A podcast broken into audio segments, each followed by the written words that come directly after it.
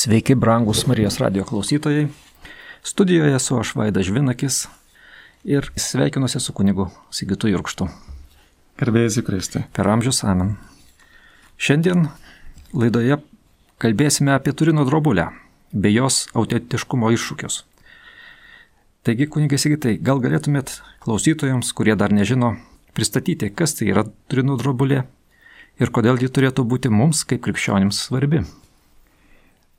Taip, apie Turino drobulę e, yra tikrai labai daug rašyta, labai daug tyrinėta, bet trumpai tariant, tai yra toks audinys 4,4 m ilgio ir 1,1 m pločio, į kurį buvo suviniotas žmogus, kuris buvo nukryžiuotas, kuris buvo nuplaktas, kuris buvo erškėčiais vainikuotas, jo šonas jėtimi pervertas.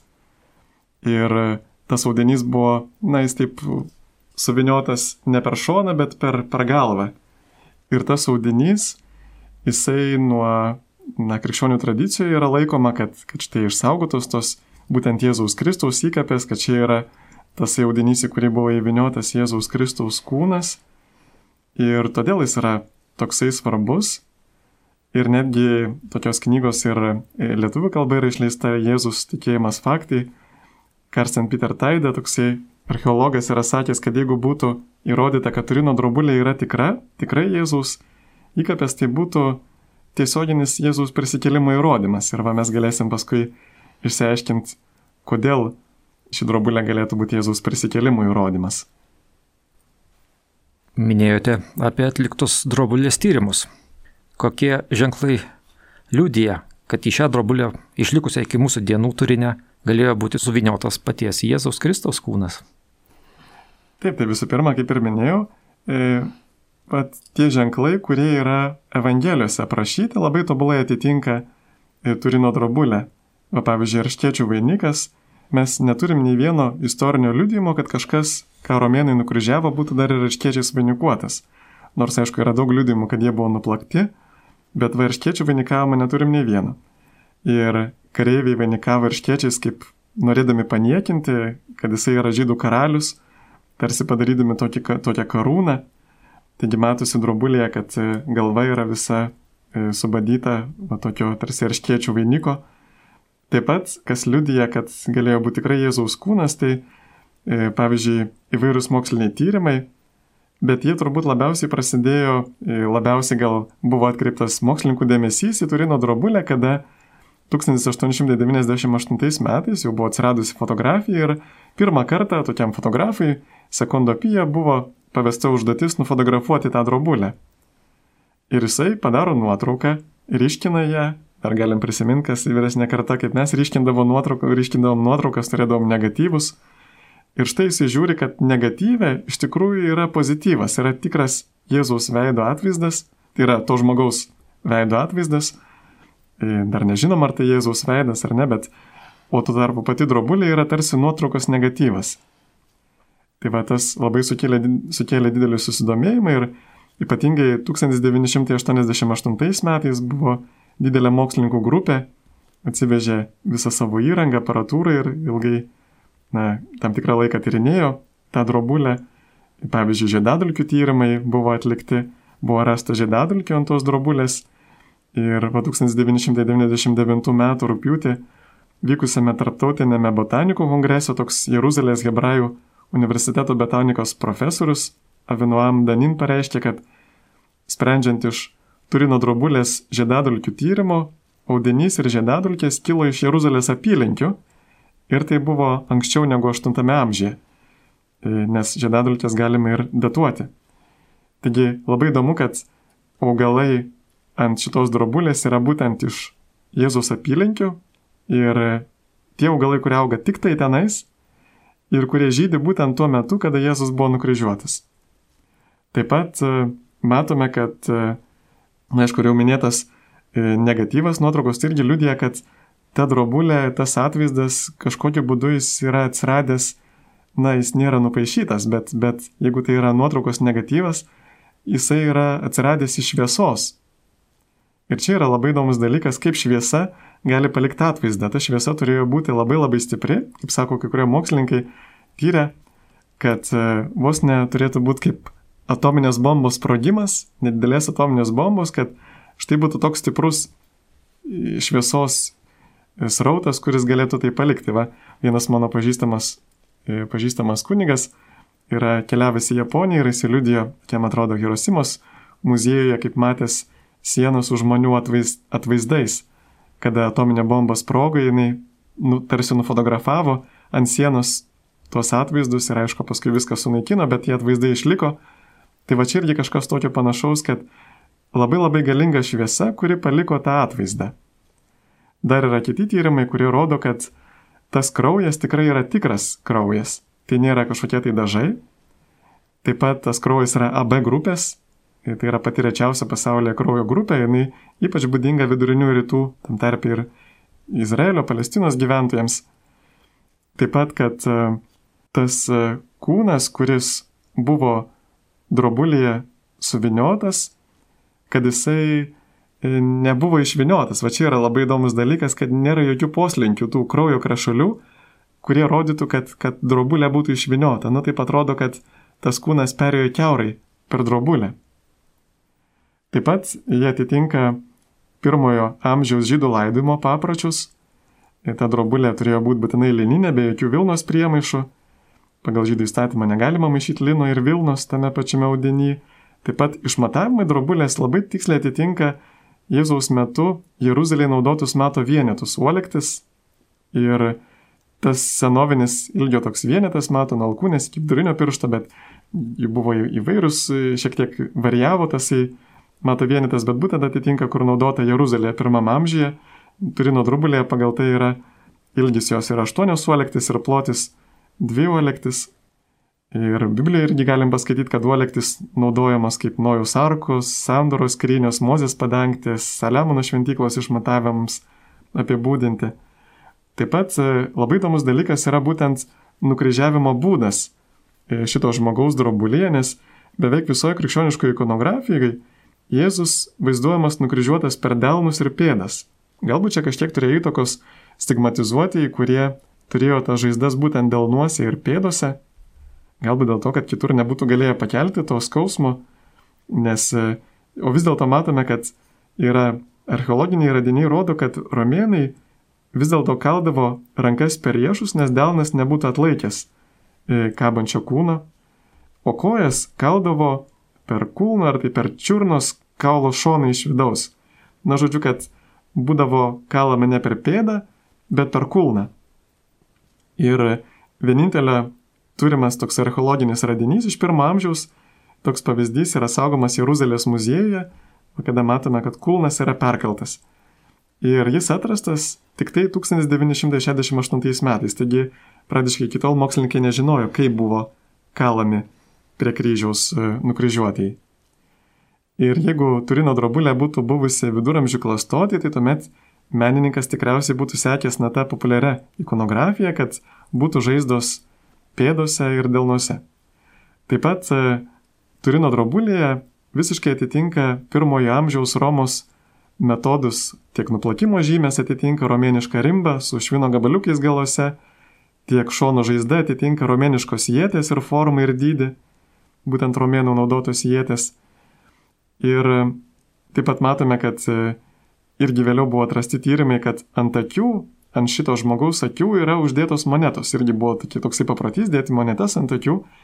Ir išryškinus paaiškėjo, kad tenais yra monetos su klaida, išleistos būtent tuo metu, ten keliasdešimties metų tarpe, kada Jėzus gyveno. Taip pat matome, kad tas atvaizdas Jėzaus yra tarsi toks 3D, trijų dimensijų. Na, kad jeigu jis, pavyzdžiui, būtų, na, na pavyzdžiui, jeigu būtų apgaubtas, jisai būtų toksai netaisyklingas. Bet turino drobulėje matom taisyklingą atvaizdą, tačiau jisai, va pavyzdžiui, tos vietos, kurios yra giliau, jos yra tamsesnės, kurios yra arčiau šviesesnės ir mes taip galime suformuoti labai gerą e, tiesiog trijų dimensijų atvaizdą, tiesiog Jėzaus veidą, apskritai kūno figūrą padaryti. Ir turbūt man bent jau įdomiausias faktas yra tas irgi iš mokslinių tyrimų, kad e, tas kūnas Turino drobulėje įviniotas sušvito ta galinga šviesa ne vėliau kaip trečią dieną. Nes tas atvaizdas matosi tokio kūno, kuris dar nėra pradėjęs irti. Taip, tačiau galbūt yra mokslinių tyrimų, kurie rodo, kad drobulė nieko neturi bendro su Jėzumi Kristumi. Taip yra ir, ir toks tyrimas yra tik vienintelis. Būtent toksai anglies C14 radioaktyvaus izotopo testas, naudojamas datavimui.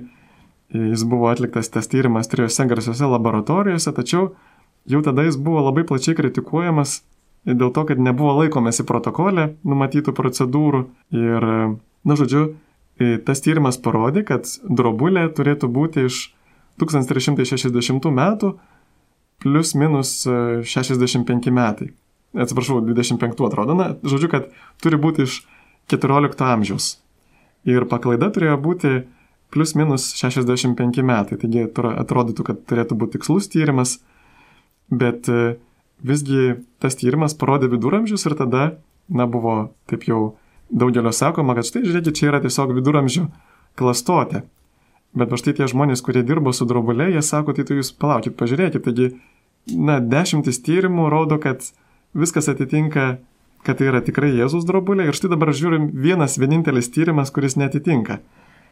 Ir tikrai, pavyzdžiui, man labai įdomu buvo skaityti Wikipedijoje, internete, toje laisvoje enciklopedijoje parašytą aprašymą angliškai Turino drobulės.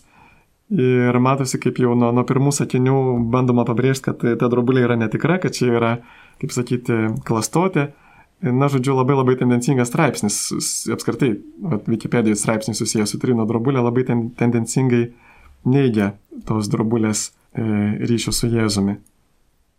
O tai kokios hipotezės pateikiamos siekiant paaiškinti šio atvaizdo atsiradimą, jeigu Turino drobulė yra viduramžių klastotė? Taip, aišku, bandoma kažkaip tai paaiškinti. Va, pavyzdžiui, kad, e, na, sako, tas paveikslas galėjo būti nutapytas, tas atvaizdas. Bet vėlgi tada kyla klausimas, kokiais dažais. Nes ištyrus paaiškėjo, kad atvaizdas yra tik tai viršutinėme drobulės sluoksnėje tiesiog plauko storio siuleliuose. Jau antras plaukas jau būtų jau nebe, nebe nudažytas. Taigi, jeigu tai būtų buvę dažai, tai dažai būtų įsiskverbę daug giliau negu per plauką storį, taip. Ir netgi įdomu, kad padidinus, e, matosi, kad tas atskiras siūlas, pavyzdžiui, turi atskirą skirtingą spalvą. Taigi negalėjo būti dažai. Taip pat antra hipotezė, kad tai galėjo būti viniotas e, nukryžiuotas žmogus, tikras nukryžiuotas žmogus, na tačiau e, vėlgi nebūtų tuomet taip tiksliai atsispaudę, va kaip ir minėjau, nebūtų taisyklingas veidas, pavyzdžiui, būtų iškreiptas, va panašiai kaip mes kokį nors gautume iškreiptą gaublį, pavyzdžiui, žemės, ar ne, tai nes jisai turėjo būti išskleistas, tai būtų kur nors ausis labai labai toli toliau negu, negu turėtų būti, na, išskleistas atvaizdas, netaisyklingas. Be to žinome, kad po Romos imperijos nukryžiavimas nebebuvo praktikuojamas, kaip pradiškai išnyko sužlugus Romos imperijai. Taip pat e, dar viena hipotezė, kad skulptorius turėjo pagaminti skulptūrą ir jį turėjo būti kažkaip pakaitinta, metalinė ar kokia akmeninė skulptūra ir tada tas drobulė staigiai uždėtų, nuimta, bet aišku ir, ir tai nepaaiškina jos visų savybių Taigi matom, kad tos hipotezės tik tai paaiškina tam tikrą vieną kitą savybę, bet visumos niekaip nepaaiškina. Ir turbūt yra du faktai, bent jau du faktai, kuriuos tik šio laikinės technologijos leidžia pasiekti, būtent negatyvas, kad tai yra nuotraukos negatyvas ir kad turi trijų dimensijų savybės. Pavyzdžiui, kad nosies galiukas yra štai ryškesnis negu akidobės. Ir niekas iki šiol nerado tokios viduramžių technikos, kuri galėtų atkurti drobulę. O ką istorijos mokslas žino apie drobulę? Gal yra užfiksuota ankstesnių jo savininkų, arba gal galima atsekti, kur ji buvo prieš patekdama į Turino katedrą? Taip, aišku, prieš tai pirmą kartą istorijoje paminėta 1360 metais Prancūzijos Lirė miestelėje ir paskui žinoma, kad ji išgyveno gaisrą drobulė 16 amžiaus irgi pradžioj. Ir vis dėlto istorikai labai labai gana užtikrintai nukelia drobulę ne į 1300 ten kokius nors 25 metus, bet į bent jau 1196 metus, nes e, tais metais yra išleistas toksai praei kodeksas, praei rankraštis saugomas Vengrijoje ir jau vien tai verstų abejoti C14 tyrimo tikslumu, nes čia matom jau beveik 150 e, metų skirtumas Taigi Konstantinopolyje buvo saugoma drobulė ir kaip tikime va štai buvo tikėta, kad ta drobulė buvo Jėzus, e, va šitą, šitą kur, į kurią buvo Jėzus įviniotas. Ir tai ir žodžiais, ir iliustracijomis yra tame kodekse, tame rankraštyje apibūdinta, dokumentuota. Taigi drobulė turėjo atsirasti dar anksčiau, nes tikrai žinome, kad Konstantinopolė jinai anksčiau buvo negu to 12 amžiaus pabaiga. Ir štai va tokia Flori Lemberg, tekstilės ekspertė, jinai atsakinga už tos drobulės audinio išsaugojimą, jinai lygina to prie rankraščio iliustracijas ir jinai atranda labai labai ryškių panašumų su drobulė, su Turino drobulė. Pavyzdžiui, rankos Turino drobulė ir tame prie kodekse yra sukryžiuotos priekyje, viena ant kitos ir nikštys yra paslėptas po apačią. Tas pats yra ir drobulėje, kaip ir to iliustracijoje, to iš 12 amžiaus pabaigos. Taip pat ten yra pabrėžtas iliustracijų silkės kaulų raštas. Taip pat ir drobulėje tas pats. Ir ten yra pavaizduotos keturios skylės, kurios sudaro L raidę. Jos irgi yra pabrėžtos, matyt, ten buvo specialiai tie ženklai išryškinti kaip tokie, na, tarsi parašai tos drobulės, tarsi liūdintis kuri drobulė yra autentiška, kad va turėjo tokius ypatingus ženklus. Vėlgi ir, ir tie L raidės tos skylės keturios pasikartoja keturis kartus ir mes matom tą patį ant drobulės. Taigi, na, tas žmogus, kuris nutapė šitą, tai yra nupaišė tas uh, iliustracijas, šitą manuskriptą, jisai būtinai turėjo būti matęs Turino drobulę. Ir, ir teismo tyrimų įrodymai tikrai patvirtina, kad kodekse šitame 12 amžiaus pabaigos atvaizduota drobulė yra ta pati kaip ir Turino drobulė.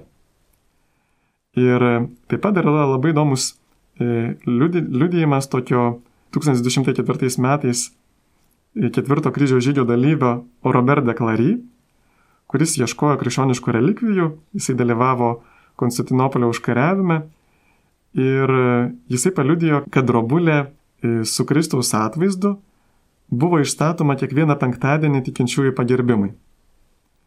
Ir Konstantinopolis, kai jis buvo apiplėštas to kryžiaus žydžio dalyvių, tada apie drobulę nieko nebegirdėta iš, iki, iki Jeffrey de Charny, kuris e, buvo susituokęs kaip tik su ketvirto kryžiaus žygio metu vieno iš to kryžiaus žygio, e, kurio buvo apiplėštas Konstantinopolis lyderiu, tiesioginė palikuonė. Vat ir, ir paskui Konstantinopolį pačiam nieko nebuvo girdėta apie tą drobulę, bet jinai atsispindėjo to meto mene. Va, buvo tokios ikonų grupė tokia, vadinama skausmų vyras, pavyzdžiui, angliškai galite pažiūrėti, e, Man of Sorrows. Ir tenais Kristus vaizduojamas būtent taip kaip drobulėje, su priekyje sukryžiuotomis rankomis, su paslėptu apačioje nikščiu, taip kaip Turino drobulėje. Ir jisai vaizduojamas atsikėlęs iš karsto, prisikėlęs ir matosi, kaip šalia yra drobulės. Taigi mes aiškiai matome, kad va štai šitie liudijimai labai aiškiai, labai stipriai liudija, kad e, C14 tas tyrimas buvo vis dėlto netikslus, nes Konstantinopolėje tikrai Turino drobulė jau turėjo būti 12 amžiuje. Ir dar toliau tai patvirtina tą hipotezę, ypatingai, kad Robert de Clary liudimas yra tikras, kad pasirodo tyriant drobulę, matosi jos perlinkimo žymės, nu tokios klostės atsiradusios, kai ilgą laiką jinai buvo sulenkta. Ir tos klostės nėra kažkaip simetriškai, va, kad jinai būtų sulankstyta, bet būtent e, tas Jėzaus atvaizdas, kuris matomas e, Jėzaus skausmų vyro ikonose, na tiesiog žmogus iki, iki pusės, nuo viršaus iki, iki pusės e, ir, ir papačiai yra klostės kelios taip pat šalia. Taigi aiškiai atskleidžia, kad netgi buvo paskui imituota e, Turino drobulės centro Kolorade pagal tas lenkimo žemės imituotas toks įrenginys, kuris naudoja tą drobulę išstatyti ir pakelti kiekvieną penktadienį Konstantinopolėje. Taigi va tos sulenkimo žymės rodo, kad tikrai Robert de Clary matė būtent šitą drobulę. Kai kurie istorikai sako, ne, tai jis gal matė Oviedo e, skarelę, galbūt e, matė dar kažką tai kitą, bet aiškiai matome, kad e, viskas atitinka ypatingai to Jėzaus skausmų vyro ikonos. Taigi, bet kuriam mokslo dalykė, vačių gausių e, duomenų pakaktų įrodyti, jog Konstantinopolio drobulė ir Turino drobulė buvo ta pati. Užsiminėte apie Oviedo drobulę, kuri yra saugoma Ispanijoje. Ši relikvija, kaip manome, dengia Jėzaus galvą po nukryžiavimo. Kas yra žinoma apie ją? Ir jeigu abi dvi drobulės būtų buvusios ant Jėzaus kūno, tai moksliniai tyrimai juk turėtų taip aptikti. Taip ir iš tikrųjų ir aptinka pati Oviedo drobulė Oviedo yra toks Ispanijos e, miestelis, San Salvadoro katedroje laikoma drobulė, jinai iš pradžių buvo datuojama irgi labai įdomu, kad datuojama iš pradžio 8 amžiai, paskui prieita dabar, kad jau 5 amžiai, nes e, dėl aliejus užterštumo yra sakoma, kad e, va štai užtektų bent 2 procentais užteršti medžiagą ir jau jie rodys labai labai netikslus, netikslius duomenys su tuo anglės C14 datavimo tyrimė. Ir be to dar žinome tikslijos istoriją, dar bent šimtmetį iki 5 amžiaus. Ir va štai toks tyrinėtojas Mark Gaskin liudija, kad kas sieja tą Oviedo drobulę su Turino drobulė. Visų pirma, kad yra tas pats AB rečiausios pasaulyje kraujo grupės kraujas, taip pat yra e, dviejų rūšių kraujas. To žmogaus, kuris tai yra e, kraujas pralietas esant gyvam ir kraujas pralietas po mirties. Jį lengva atskirti mokslininkams. Ir taip pat įdomiausia, kad Oviedo drobulė, jeigu mes uždėtume ant turinų drobulės, vienoje vietoje yra galvos tokia žaizda ir škiečių vainiko žaizda, kur kraujo dėmes e, ganėtinai tiksliai atitinka Oviedo drobulėje kraujo dėmes. Ir kodėl dar viena turėtų būti štai šita drobulė ar skara, mes matom Jono Evangelijos 20 skyriui parašyta, kad e, Petras ir tas kitas mokinys nuskubėjo prie kapo, jie būdu bėgo kartu, bet e, Petras štai ėjo į vidų ir netrukus e, pamatė paliktas drobulės ir skarą buvusią ant Jėzaus galvos, ne su drobulėmis palikta, bet suviniota ir atskirai padėta. Tai va čia kalbama apie tą skarą buvusią ant Jėzaus galvos.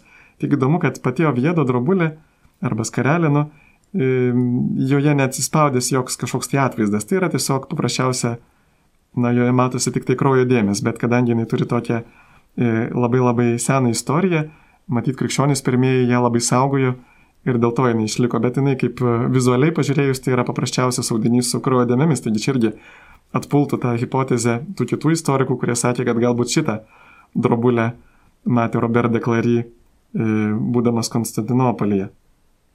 O gal Oviedo drobulė yra toji Evangelijoje minima Veronikos drobulė, kurioje įsispaudęs Jėzaus veidas? Taip, tai mes čia turim reikalą dar su trečia drobulė, Ir manoma, kad ta Veronikos drobulė vis dėlto yra e, taip vadinama Monopelos karelė, Monopelo drobulė. Monopelas yra nedidelis miestas Italijoje, netoli Paskaros. Ir tai yra labai labai nedidelis 24 e, ant 17 cm audeklo, plono audeklo lopinėlis. Ir vis dėlto, kad bažnyčia jį žiūri rimtai, rodo ir kad popiežius Benediktas XVI yra ją aplankęs 500 e, metų mano pelę buvimo jubiliejaus proga 2006-aisiais. Ir jau yra žinoma, kad jau šeštame amžiuje Konstantinopolyje buvo stiprus šitos manopelo, nu, jau nebuvo manopelo, bet Veronikos e, šitos drobulės skarelės kultas. Pats žodis Veronika, tai ne tiek turbūt vardas buvo jos, bet Vera ikona, reiškia tikras atvaizdas latiniškai. Ir tikriausiai buvo kitas vardas tos moters, kuri nušuostė Jėzus veidą kryžiaus kelyje.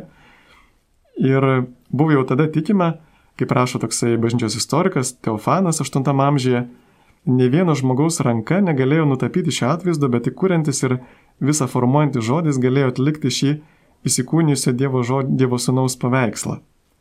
Va jis rašė 8 amžiuje, bet tada jau buvo e, šitą relikviją pradingus iš Konstantinopolio, nes tada prasidėjo Bizantijoje ikonoklastų sąjūdis, e, kuris siekia sunaikinti ikonas, sakė, kad štai paveikslų garbinimas prieštarauja Biblijai ir kad reikia sunaikinti visus atvaizdus, kad tai yra stameldystė, bet galiausiai bažnyčios tėvai ir, ir bažnyčia pasipriešino tam atvaizdui, sakoma, kad mes garbinam ne atvaizdą, bet tą, kurį jis vaizduoja, e, Jėzų Kristų įsikūniusi Dievą. Taigi galima turėti atvaizdus religinį meną ir nereikia jo naikinti. Ir tada per tą ikonoklastų sąjūdį buvo iš Bizantijos, iš Konstantinopolio išgabentas slapta į Romą. Galiausiai 13 amžiuje tik tai popiežius Inucentas III jau jisai išdryso viešai išstatyti tą Jėzaus veidos karelę. Ir paskui jinai labai įdomiai pateko į, į rankas monopelo gyventojams, tiesiog vienam gydytojui staiga kažkas atnešė pamaldus vyras tą ir užšilėlį, buvo kaip paveldima šeimos nusavybė, galiausiai pateko pas kapucinus. Ir kapucinai patarė ją restauruoti nes jinai buvo prastai prižiūrėta, prastos išvaizdos labai ir, ir galiausiai jinai jau nuo 17 amžiaus Kristos atsimainimo šventės yra nuo Manopelo kapucinų Švento Arkangelo Mykolo bažnyčioje saugoma. štai šitą skarelę. O ar buvo atlikta kokiu nors mokslinių tyrimų, kurie patvirtintų drobulė, drobulės autentiškumą? Taip, tikrai buvo. Ir įdomu, kad va, už tos skiriamosios galios fotografijos bei, bei tyrimai atlikti ultravioletiniais spinduliais, kuriuos atliko Bario, Italijos Bario universiteto profesorius Donatas Vittori, liudija, kad skarelėje impregnuotas švento veido atvaizdas nėra nupieštas, nėra nutapytas nei aliejiniais, nei vandeniniais dažais ir nėra joks išorinis atspaudas. Ir taip pat tokia žymi ikonografija vienuolė sesuo Blandina Paskalė Šliomer, jinai pastarosius du dešimtmečius skyrė Manopelo šventojo veido ir Turino šventosios drobulės profesionaliam palyginimui ir nustatė, jog abu atvaizdai, tiek Turino drobulės atvaizdas, tiek Manopelos karelės atvaizdas, tas veidas, labai per, pagal daugelį bruožų tiesiog tobulai identiški. Taip pat toksai žinomas ikonografas, krikščioniško meno ekspertas, popiežiškų Grigaliaus universiteto rektorius, jezuitas kunigas Henrikas Pfeifferis savo tyrimais irgi patvirtina, jog tas monopelė saugomojo relikvijai regimas atvaizdas jau nuo pirmų amžių buvo Jėzaus šventojo veido pertikimo modelis.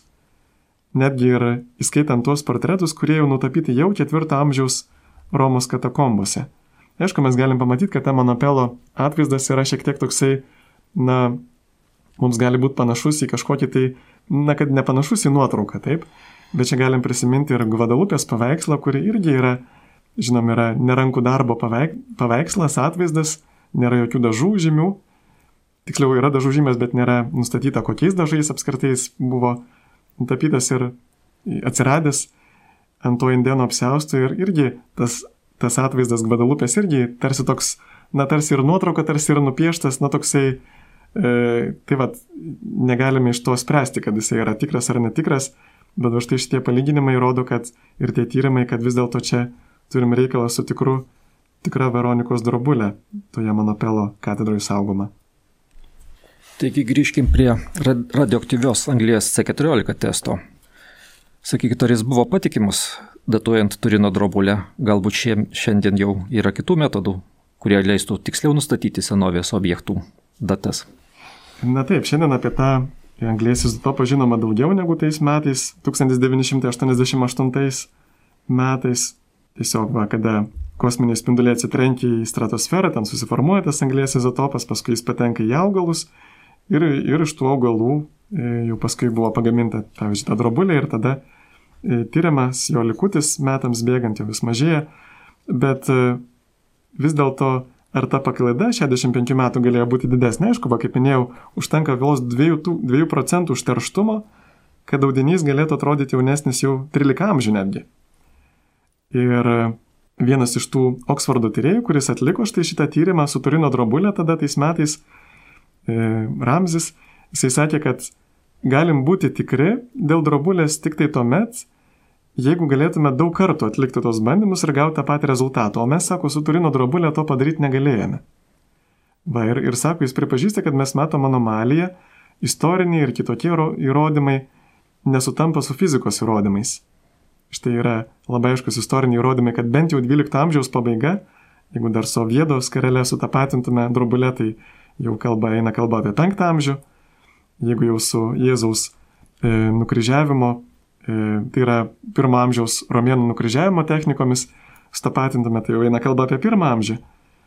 Ir čia e, labai džiugi žinia iš tikrųjų mus pasiekė, pasirodė straipsniai, kad štai atsirado naujas metodas. E, toksai plačiakampis rengeno spindulių sklaidos metodas, kurį išvystė Liberato de Caro, Italijos mokslininkas iš Nacionalinės mokslinio tyrimų tarybos kristalografijos instituto ir jo kolegos. Ir jie tuo savo naujų metodu nustatė, kad vis dėlto Turino drobulė turėtų būti maždaug 2000 metų senumo. Ir va balandžio mėnesį tiesiog e, tartautinėme mokslinėme žurnalėme Heritage, palikimas lietuviškai, tai žurnalas išeina tik tai kartą per ketvirtį, štai buvo tas jų tyrimas paskelbtas. Jie paėmė e, tyrimui mėginį iš tos gretimos vietos, kur 1988 metais buvo paimta mėginys tyrimui e, su radioaktyvios anglės tyrimui, datavimui nustatyti ir paėmė tokį labai labai nedidelį gabaliuką, pusės milimetro iki milimetro ir gavo tokius pat identiškus rezultatus, kaip ir turėjo e, kito pavyzdžio lino gabalėlio iš Izraelio Masados tvirtovės 6-80 mečio pirmo amžiaus. Taigi matome, kad e, pradžiškai įrodė, kad tai drobuliai yra 2000 metų ir e, tas žurnalas tikrai yra rimtas mokslinis žurnalas, redaguojamas kitų mokslininkų Ir beje, irgi pabrėžia toje tame įvade šitam straipsnėje, kad tai nėra jų metodas, nėra vienintelis, kuris datuoja Turino drobulę pirmam amžiui, nes paskui dar pritaikyti ir kiti metodai. Pavyzdžiui, tokie du spektroskopiniai metodai datavo Turino drobulę 300 e, metų plus minus 400 metų. Taip? Paskui kitas metodas 200 metų plus minus 200 metai plus minus 500 metų. Na, aišku, jie tokie labai netikslus, bet vis tiek apima ir pirmą amžių. Taip pat dar vienas metodas 400 metų plus minus 400 e, metų, kitas metodas irgi, kad Turino drobuliai turėjo būti nuo 1300 iki 3000 metų senumo. Taigi matome, kad buvo ir daugiau metodų, kurie datavo tik netaip tiksliai e, pirmą amžių. Ir štai dabar štai šitas metodas jau galiausiai mums išsprendžia tą tokį konfliktą tarp mokslų, kad vis dėlto Turino drobuliai yra, ko gero, iš tikrųjų iš, iš pirmojo amžiaus. Tad baigdami, gal galėtumėm apibendrinti, ko galime pasimokyti iš šios Turino drobulės tyrimų istorijos. Atrodo, kad mokslas taip pat, taip pat gali klysti. Na, gal ne tiek mokslas, kiek atskiri mokslininkai, nes nėra žmogaus, kuris būtų tobulai nešališkas, neturėtų iš ankstinių nuostatų, bet to žinom, kad moksliniais tyrimais galime ir manipuliuoti. Ir, ir tuos pačius tyrimus turėdami mes galim labai labai skirtingai juos interpretuoti. Pavyzdžiui, vieną kartą toksai tokie ateistai, studentai pabandė tokį tyrimą, nu, sudarė visiškai tokį e, dirbtinį tyrimą, e, visiškai išgalvotą, e, tokį visiškai juokingų net pavadinimą apie šunų prievartavimo kultūrą, bet jis atitiko va tai gender ideologijos tai darbo tvarkė ir jie išsintinėjo į tokius žymiausius žurnalus ir net septyni žurnalai paėmė tą straipsnį jo, kaip sakyt, na, nors jis buvo visiškai absoliučiai išgalvotas. Taigi Mes taip pat matome tą pačią va gender ideologijos beprotybę, kuri mm, dėstoma netgi daugelį universitetų pasaulyje. Ir čia, ieškant tiesos, turbūt svarbiausia vaidmenį vaidina žmogaus sažiningumas, ištikimybė tiesai. Ir jeigu, pavyzdžiui, ateistas e, sako, kad tiesos, objektyvios tiesos nėra, kad Dievo nėra, tai kas jam trukdytų manipuliuoti tiesą, ne? Ir čia tas pats ir, na, kalbant apie gyvybės atsiradimą, irgi turbūt prieš šimtą metų visuotinai manyta, kad visata yra amžina. Taip tik tai va prieš 20 kiek tai metų įrodyta, kad vis dėlto tikrai visata turėjo pradžią. Va kada, pavyzdžiui, žmogaus genus nuskenavo žmogaus genomo projektą, atrado, kad va tik 2 procentai koduoja baltymus, na sako, tai visa kita genai visi kiti yra šiukšlės. Na paskui po 10 metų atrado, kad jau vis dėlto žmogaus 70-80 procentų genomo nuolat veikia.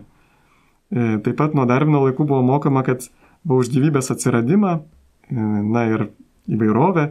Nu, tiksliau, Darvinas gal labiau kalbėjo apie gyvybės įvairovę, tik jo pasiekėjai ateistai kalbėjo net ir apie gyvybės atsiradimą, atsakinga vien tik tai natūrali atranka.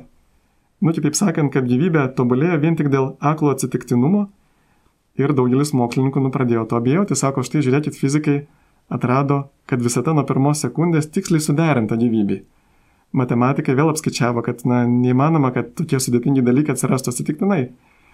Inžinieriai vėl žiūri, kad e, štai mokslininkai mokosi iš, iš gyvūnų, protingi mokslininkai iš augalų, kaip jie tenais yra sukurti, kokios ten technologijos.